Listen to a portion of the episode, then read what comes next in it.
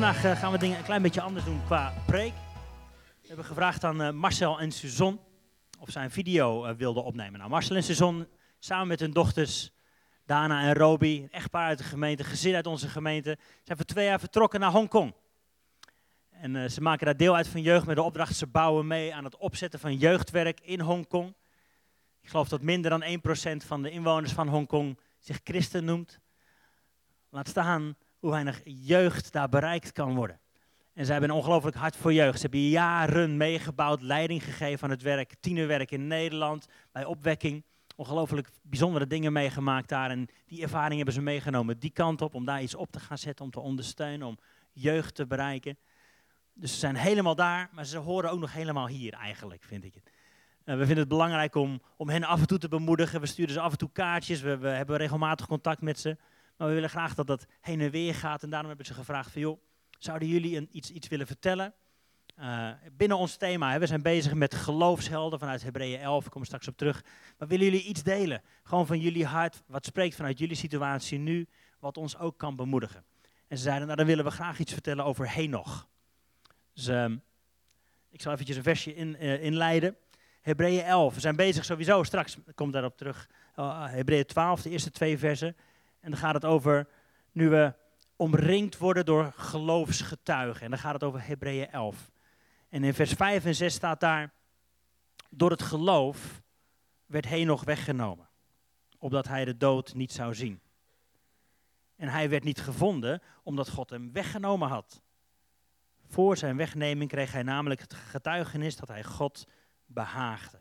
Zonder geloof is het onmogelijk om God te behagen. Want wie tot God komt, moet geloven dat Hij is en dat Hij beloont wie Hem zoeken. Dat is Hebreeën 11, vers 5 en 6. Nou, de afgelopen paar weken hebben we het al gehad over, over Abel, die ook wordt genoemd in deze lijst. Wat, wat maakt Abel nou een geloofsheld? Afgelopen week heeft, heeft Alfons het gehad over David. Wat maakt David nou een geloofsheld? En wat kunnen we daar nu van leren dan? Dus daar hebben we de afgelopen paar weken naar gekeken. En nu kijken we naar, naar Henoch. Henoch. Henoch werd weggenomen. Hij stierf niet, staat hier. Henoch stierf niet, maar werd opgenomen in de hemel om met God te zijn. Het is de eerste keer dat zoiets bijzonders genoemd wordt. Henoch stierf niet, maar werd opgenomen in de hemel. En dat heeft hier te maken met geloven. Nou, wat kunnen jij en ik nou leren van Henoch? Marcel en zijn zon gaan er straks iets meer over vertellen, maar dit slaat natuurlijk op de Henoch uit Genesis 5. Helemaal aan het begin van het verhaal. In Genesis 5, misschien kun je met me meelezen, vers 21. Er staat Henoch leefde 65 jaar en toen verwekte hij met tussenlag. En Henoch wandelde met God. Nadat hij met tussenlag verwekt had, 300 jaar en hij verwekte zonen en dochters en alle dagen waren 365 jaar. Maar dit ene zinnetje, dit springt eruit als het gaat over Henoch. Henoch wandelde met God. Nou, misschien kunnen we het filmpje laten zien. Dan uh, kom ik straks nog een beetje meer op terug. Maar leuk om het uh, te gaan bekijken. Alles werkt weer, geloof ik. Dus daar uh, zijn we blij mee.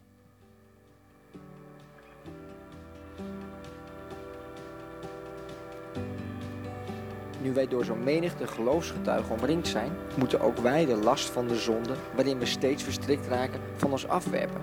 En vastberaden de wedstrijd lopen die voor ons ligt. Laten we daarbij de blik gericht houden op Jezus, de grondlegger en voltooien van ons geloof. Denkende aan de vreugde die voor hem in het verschiet lag, liet hij zich ook niet afschrikken door de schande van het kruis. Hij hield stand en nam plaats aan de rechterzijde van de troon van God. Henoch wordt genoemd als een van de geloofsgetuigenissen in dit verhaal. Henoch, een man van God. Er is niet zo heel veel bekend over Henoch in de Bijbel. Er worden zelfs maar twee personages genoemd in de Bijbel die Henoch heten. Eén, de zoon van Kain, in Genesis 4. En dan 600 jaar later in Genesis 5 wordt gesproken over Henoch, de zoon van Jered. Die uiteindelijk een voorvader is van Noach en uiteindelijk is een voorvader is van de Heer Jezus.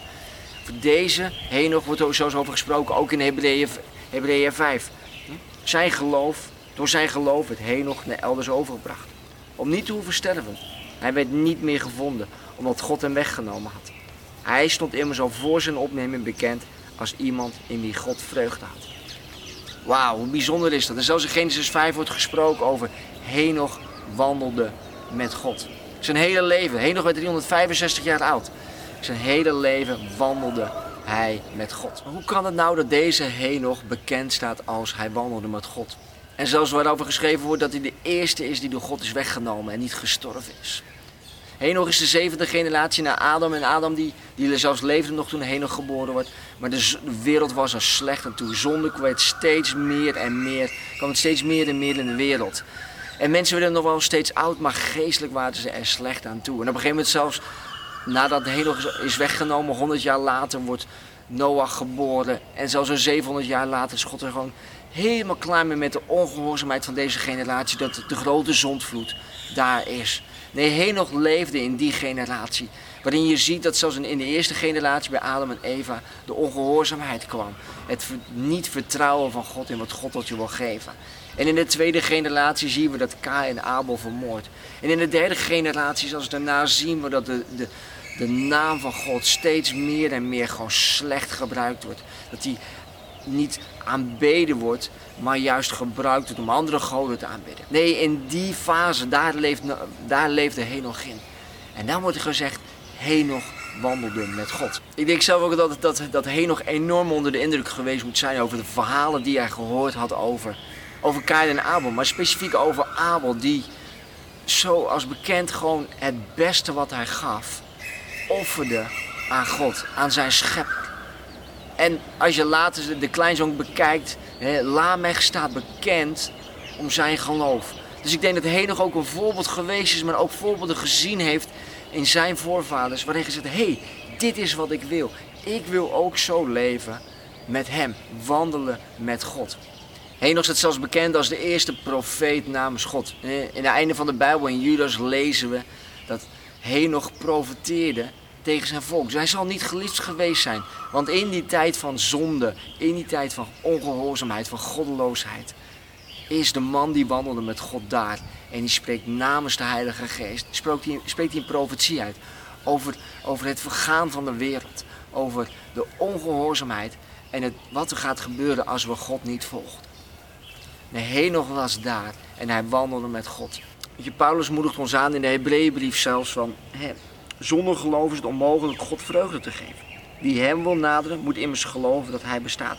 En wie hem zoekt, zal worden beloond. Misschien voelen wij ons ook wel zo. Alleen, misschien wel een beetje verlaten of zoals nog leven in een goddeloze wereld. Maar God verliet nog niet. Nee, hij gebruikte hem zelfs. Maar het belangrijkste is wel verbonden zijn met hem. Geleid worden door de Heilige Geest, zoals nog geleid werd door de Heilige Geest om te zien wat Hij tot je wil spreken. En hoe je je dagelijks kunt wandelen met Hem. Zoals nog wandelde met God.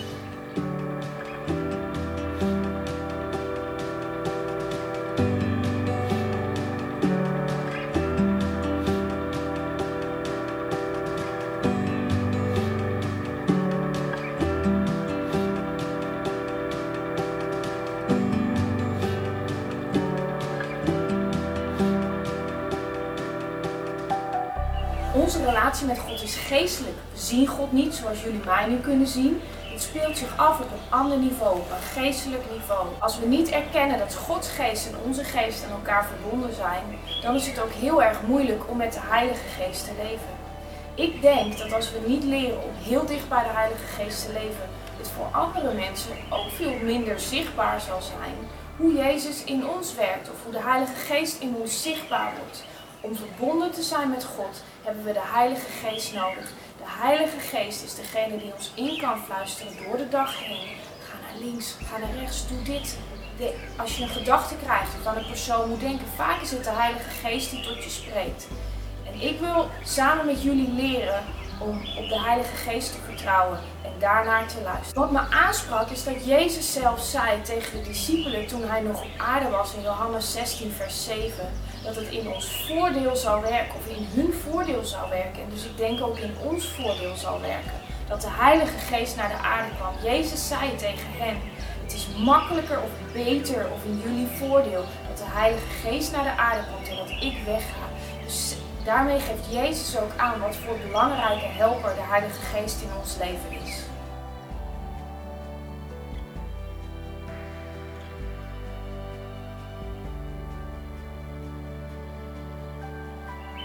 Waar ik het net over had, was hoe je verbonden kunt zijn met Gods geest. Maar misschien vraag je af, Hoe werkt dat dan? En hoe doe ik dat? Ik wil met jullie graag een stukje lezen uit Romeinen 8. Ons leven wordt niet langer beheerst door onze eigen natuur, maar door de geest. Wie zich door zijn eigen natuur laat leiden, is gericht op wat hij zelf wil. Maar wie zich laat leiden door de geest, is gericht op wat de geest wil. Onze eigen natuur wil brengt de dood, maar wat de geest wil brengt leven en vrede. Onze eigen wil staat vijandig tegenover God, want hij onderwerpt zich niet aan de wet en is daartoe ook niet in staat. Wie zich door zijn eigen geest wil laten leiden, kan God niet behagen. Niet langer ik, maar Christus in mij. Gericht zijn op de Heilige Geest en wandelen met God. Dat is waar het over gaat. Maar hoe moet ik het nou voor me zien? Wij wonen en werken hier in Hongkong en Hongkong is een enorm grote wereldstad. Waar je net als in andere grote wereldsteden vele mogelijkheden hebt om je van A naar B te verplaatsen. Een ervan is uiteraard de auto, de ander is de tram. En als je in dit voorbeeld kijkt naar de auto, en de auto kunnen we vergelijken met onze eigen natuur. Een auto connecten of opladen alleen wanneer je het nodig hebt. En de rest van de tijd volg je gewoon je eigen route. Maar een tram, een tram is altijd verbonden met de stroomtoevoer, elektriciteit van boven en wordt geleid door de rails aan de onderkant. Dat is een verschil tussen een tram en een auto. Bij een auto is nog heel veel ruimte voor je eigen route.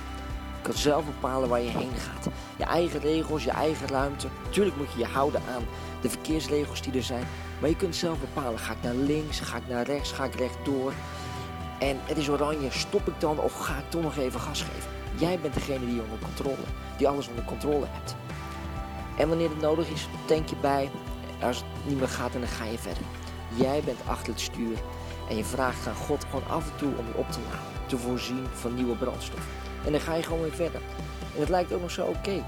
Maar vanaf afstand is dit niet leven door de geest waarover hier gesproken wordt. En een tram is dan een heel ander voorbeeld, een mooi voorbeeld, die altijd verbonden is met boven. Zoals we eigenlijk altijd door de Heilige Geest in verbinding kunnen zijn met God. De tram ontvangt continu energie door de bovenleiding om verder te kunnen gaan. En er is altijd gewoon een energiebron aanwezig. Uiteraard, de rails is er om, om de tram te begeleiden waar hij naartoe moet gaan. En de trambestuurder is echt niet bezig met de vraag, ja, moet ik nou naar links, moet ik nou rechts? Nee, hij kan zich concentreren op het hier en nu, om de tram te besturen. Terwijl je de auto alleen maar bezig bent met de richting bepalen. Is een mooie parallel tussen het leven van Henoch, de tram en het leven door de geest. De Heilige Geest kan je steeds influisteren en dat wil hij ook, hoeveel gas te geven. Welke kleine stap er voor je ligt, zonder dat je de hele rails kunt zien. Hoe wil jij jezelf eigenlijk vervoeren? Is er ruimte om je te onderwerpen aan Gods plan of wil je zelf achter het stuur blijven zitten? Jij of Gods geest aan het stuur? Wil je horen wat God tot je spreekt en ben je bereid dat als Hij spreekt om dan ook te gehoorzamen? Dat vraagt geloof. En hierin kunnen we echt weer kijken naar Henoch. Hij werd geprezen om zijn geloof. In een moeilijke fase, in een moeilijke periode, in een periode waar goddeloosheid heerste, was hij daar om te luisteren naar God. En was hij gefocust op hem. Maar ben jij vandaag gefocust op wat God van je vraagt? En gehoorzaam je vandaag zonder dat je in de toekomst het plaatje kunt zien. What is your next faithful step? En ik geloof zeker dat als jij in staat bent om dat te doen, dat er ook vrijheid komt in omstandigheden waar je in zit. Denk aan hoe Paulus was toen hij in de gevangenis zat, in zijn omstandigheden. Hij begon niet te denken over waarom, waarom ik en weet ik veel wat allemaal, wat, welke gedachten hij kon hebben.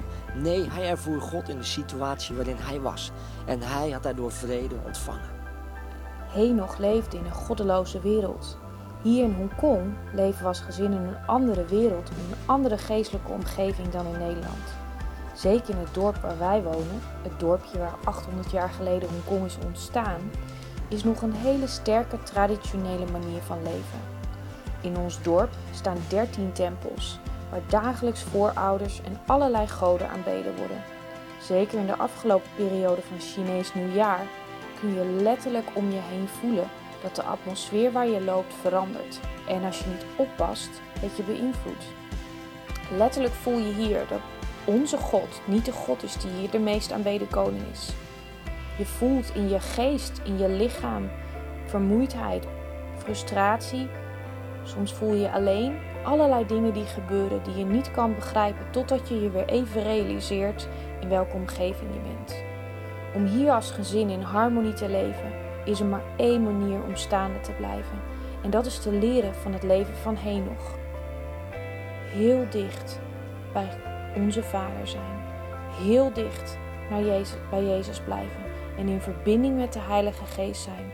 Om steeds te kijken wat God van je vraagt. Voor mij speelde de afgelopen weken ook de vraag: wat als je het totale plaatje niet meer ziet? De geloofshelden in Hebreeën 11, daar staat zelfs dat ze nooit het totale plaatje zagen. Dat ze nooit gezien hebben in hun leven op aarde datgene wat God hun beloofd was. En dat raakte me. Dat frustreerde me aan de ene kant. En aan de andere kant um, opende het ook alweer mijn ogen. We waren in in een kerk. En degene die sprak, die vroeg eigenlijk tijdens zijn preek: wat als je het totale plaatje niet meer ziet? En ik dacht, ja, dat is waar ik, dat is waar ik ben. Ik zie niet meer precies datgene waarom we ook alweer naar Hongkong gingen. Of ik heb nog lang niet gezien in het half jaar wat we hier zijn. Dat wat God ons verteld heeft waarom we hier naartoe moesten gaan. Hele kleine stukjes misschien nog, nog bijna niks. En de vraag die mij gesteld werd tijdens die preek was: What is your next faithful step? Wat is het stapje wat jij morgen gaat zetten in, in uh, geloof en in vertrouwen dat God je gaat leiden? Wat is het kleine wat jij morgen gaat doen, gelovende dat het bij zal dragen aan datgene wat in de toekomst gaat gebeuren? Maar wees bezig om gehoorzaam te zijn aan God in het hier en nu. En dat raakte me. Want ik realiseerde me dat ik bezig was met het grote toekomstplaatje. In plaats van bezig te zijn met te gehoorzamen dat wat God mij vandaag, morgen en overmorgen vraagt om te doen. Mijn vraag aan jou zou zijn: durf jij God zo te vertrouwen? Durf jij te wandelen met Hem en elke dag opnieuw aan Hem te vragen: welk klein stapje kan ik vandaag zetten? Erop vertrouwde dat Hij je leven leidt en dat Hij het grote plaatje ziet.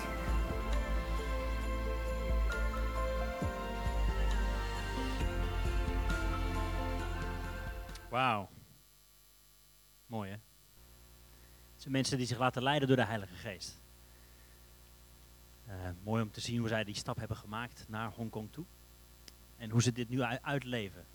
Vertrouwen op de leiding van de Heilige Geest. Wandelen met God, zoals het bij Henoch genoemd wordt. Zoals we het nu kennen. Geleid worden door de Heilige Geest. Uh, ik zat hier een beetje over na te denken na dit filmpje. Hoe, hoe gaan we dit vormgeven dan? Hoe maken we dit praktisch in ons eigen leven? Hoe ziet dat eruit?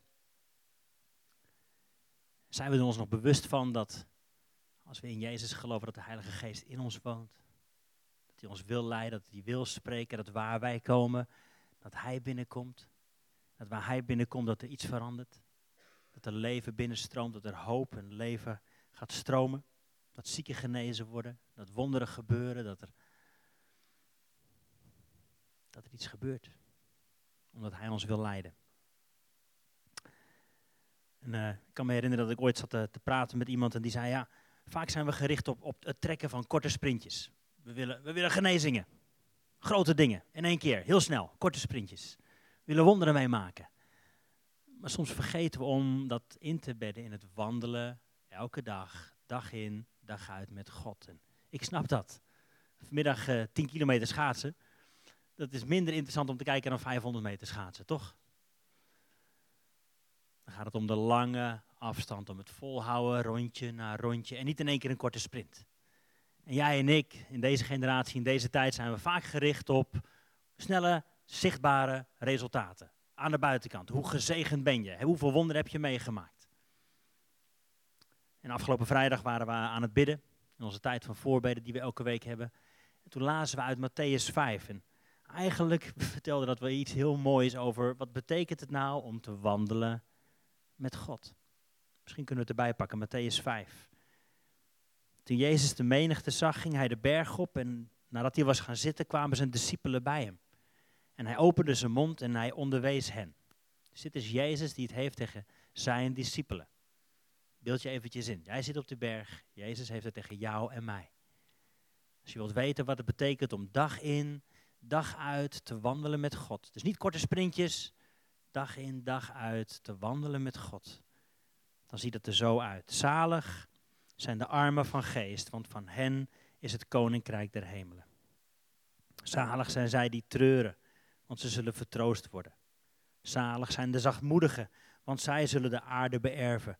Zalig zijn zij die hongeren en dorsten naar gerechtigheid, want zij zullen verzadigd worden. Zalig zijn de barmhartigen, want aan hen zal barmhartigheid bewezen worden. Zalig de reinen van hart, want zij zullen God zien. Zalig de vredestichters, want zij zullen Gods kinderen genoemd worden. Zalig zijn zij die vervolgd worden om de gerechtigheid, want van hen is het koninkrijk der hemelen. Zalig bent u als men u smaadt en vervolgt en door te liegen allerlei kwaad tegen u spreekt omwille van mij. Verblijd en verheug u, want uw loon is groot in de hemelen. Want zo hebben ze de profeten voor u vervolgd die er waren. Dit is wandelen met God. En dan, dan merk je, en daar hadden we het afgelopen vrijdag ook over, dit gaat helemaal niet over, over zichtbare dingen. Over wat je hebt bereikt in je leven, hoe, hoeveel je hebt. Hoe aantrekkelijk je bent, hoe groot je huis is, hoe, hoe hard je zwoegt, hoe hard je werkt. Dit gaat over je hart. Hoe gaat het met jou daar van binnen? Welk spoor kies je? En als je deze teksten nog een keertje leest, dan zie je dat dit eigenlijk een tegenovergesteld spoor is van alles wat de wereld ons leert. Zalig ben je als je treurt, zegt Jezus. De, de wereld zegt, hoe kun jij gelukkig worden? Hoe kun jij vervulling vinden? Zalig zijn de armen van geest. De andere vertaling zegt, zalig zijn zij die weten dat ze het niet alleen kunnen, maar dat ze God nodig hebben. Terwijl alle zelfhulpboeken in de wereld gaan over hoe kun jij jouw leven op orde krijgen. Zalig de zachtmoedigen, de nederige, de barmhartige. Tegenovergesteld aan het spoor van de wereld. Maar dit is wandelen met God dag in, dag uit, reinen van hart of de vredestichters. Dit is het spoor, denk ik, waar Marcel het over had. Niet jij in je eigen auto, what's in it for me, hoe kan ik hier beter van worden, maar kies ik het spoor van gehoorzaamheid. Mag Jezus mijn lijn uitleggen? Mag Hij mij leiden? Mag Hij mijn keuzes beïnvloeden, bepalen? Of hou ik toch nog graag zelf het wiel, stuurwiel in handen? Laat ik mij leiden door de Heilige Geest? In een wereld die op zijn kop staat, net zoals bij Henoch, zei Marcel al. Daar was het ook een zootje. Daar was er ook zonde in de wereld. Daar waren ook allerlei mensen die allerlei keuzes maakten die niet passen bij koninkrijk van God. Zo heel anders is het niet hoor. Voor jou en mij nu.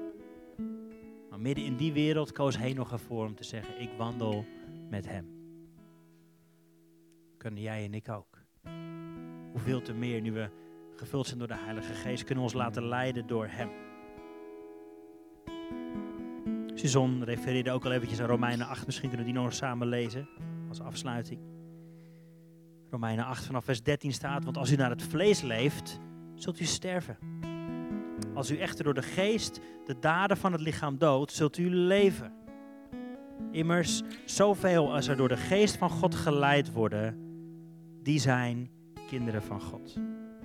U hebt niet de geest van slavernij ontvangen, die het opnieuw tot angst leidt, maar u hebt de geest van aanneming tot kinderen ontvangen. En nu kunnen we roepen, Abba Vader. De geest zelf getuigt met onze geest dat wij zijn kinderen zijn. En als wij zijn kinderen zijn, laten we ons leiden door de Heilige Geest. Zullen we gaan staan? Dan gaan we daar tijd voor nemen om te bidden.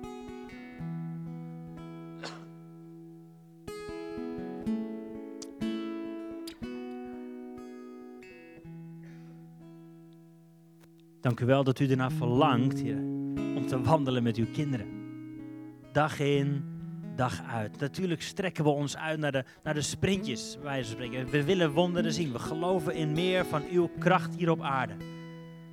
maar we willen dat laten inbedden in het dag in, dag uit wandelen met u. Meer gaan lijken op Jezus. We willen meer lijken op u en u weer spiegelen. We willen barmhartig en zachtmoedig en nederig en liefdevol zijn. We willen uitreiken naar anderen zoals u dat deed, Heer.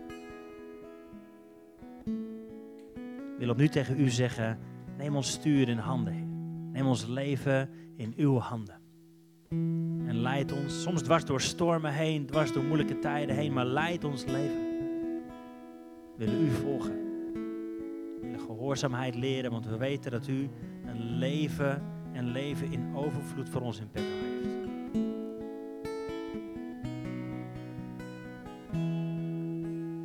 Misschien kunnen we dit lied wat Jona aan het spelen is straks samen zingen, heel kort. Maar laten we ons er opnieuw van doordringen. We laten ons niet leiden door angst. Angst voor tekort, angst voor God zorgt niet voor ons, angst voor hoe gaat het aflopen? Ik zie het complete plaatje niet. Ik hou het zelf wel in handen. Nee, we laten het los. Want we zijn een kind van de Allerhoogste God. En Hij wil ons leiden. Hij wil ons leven vervulling geven.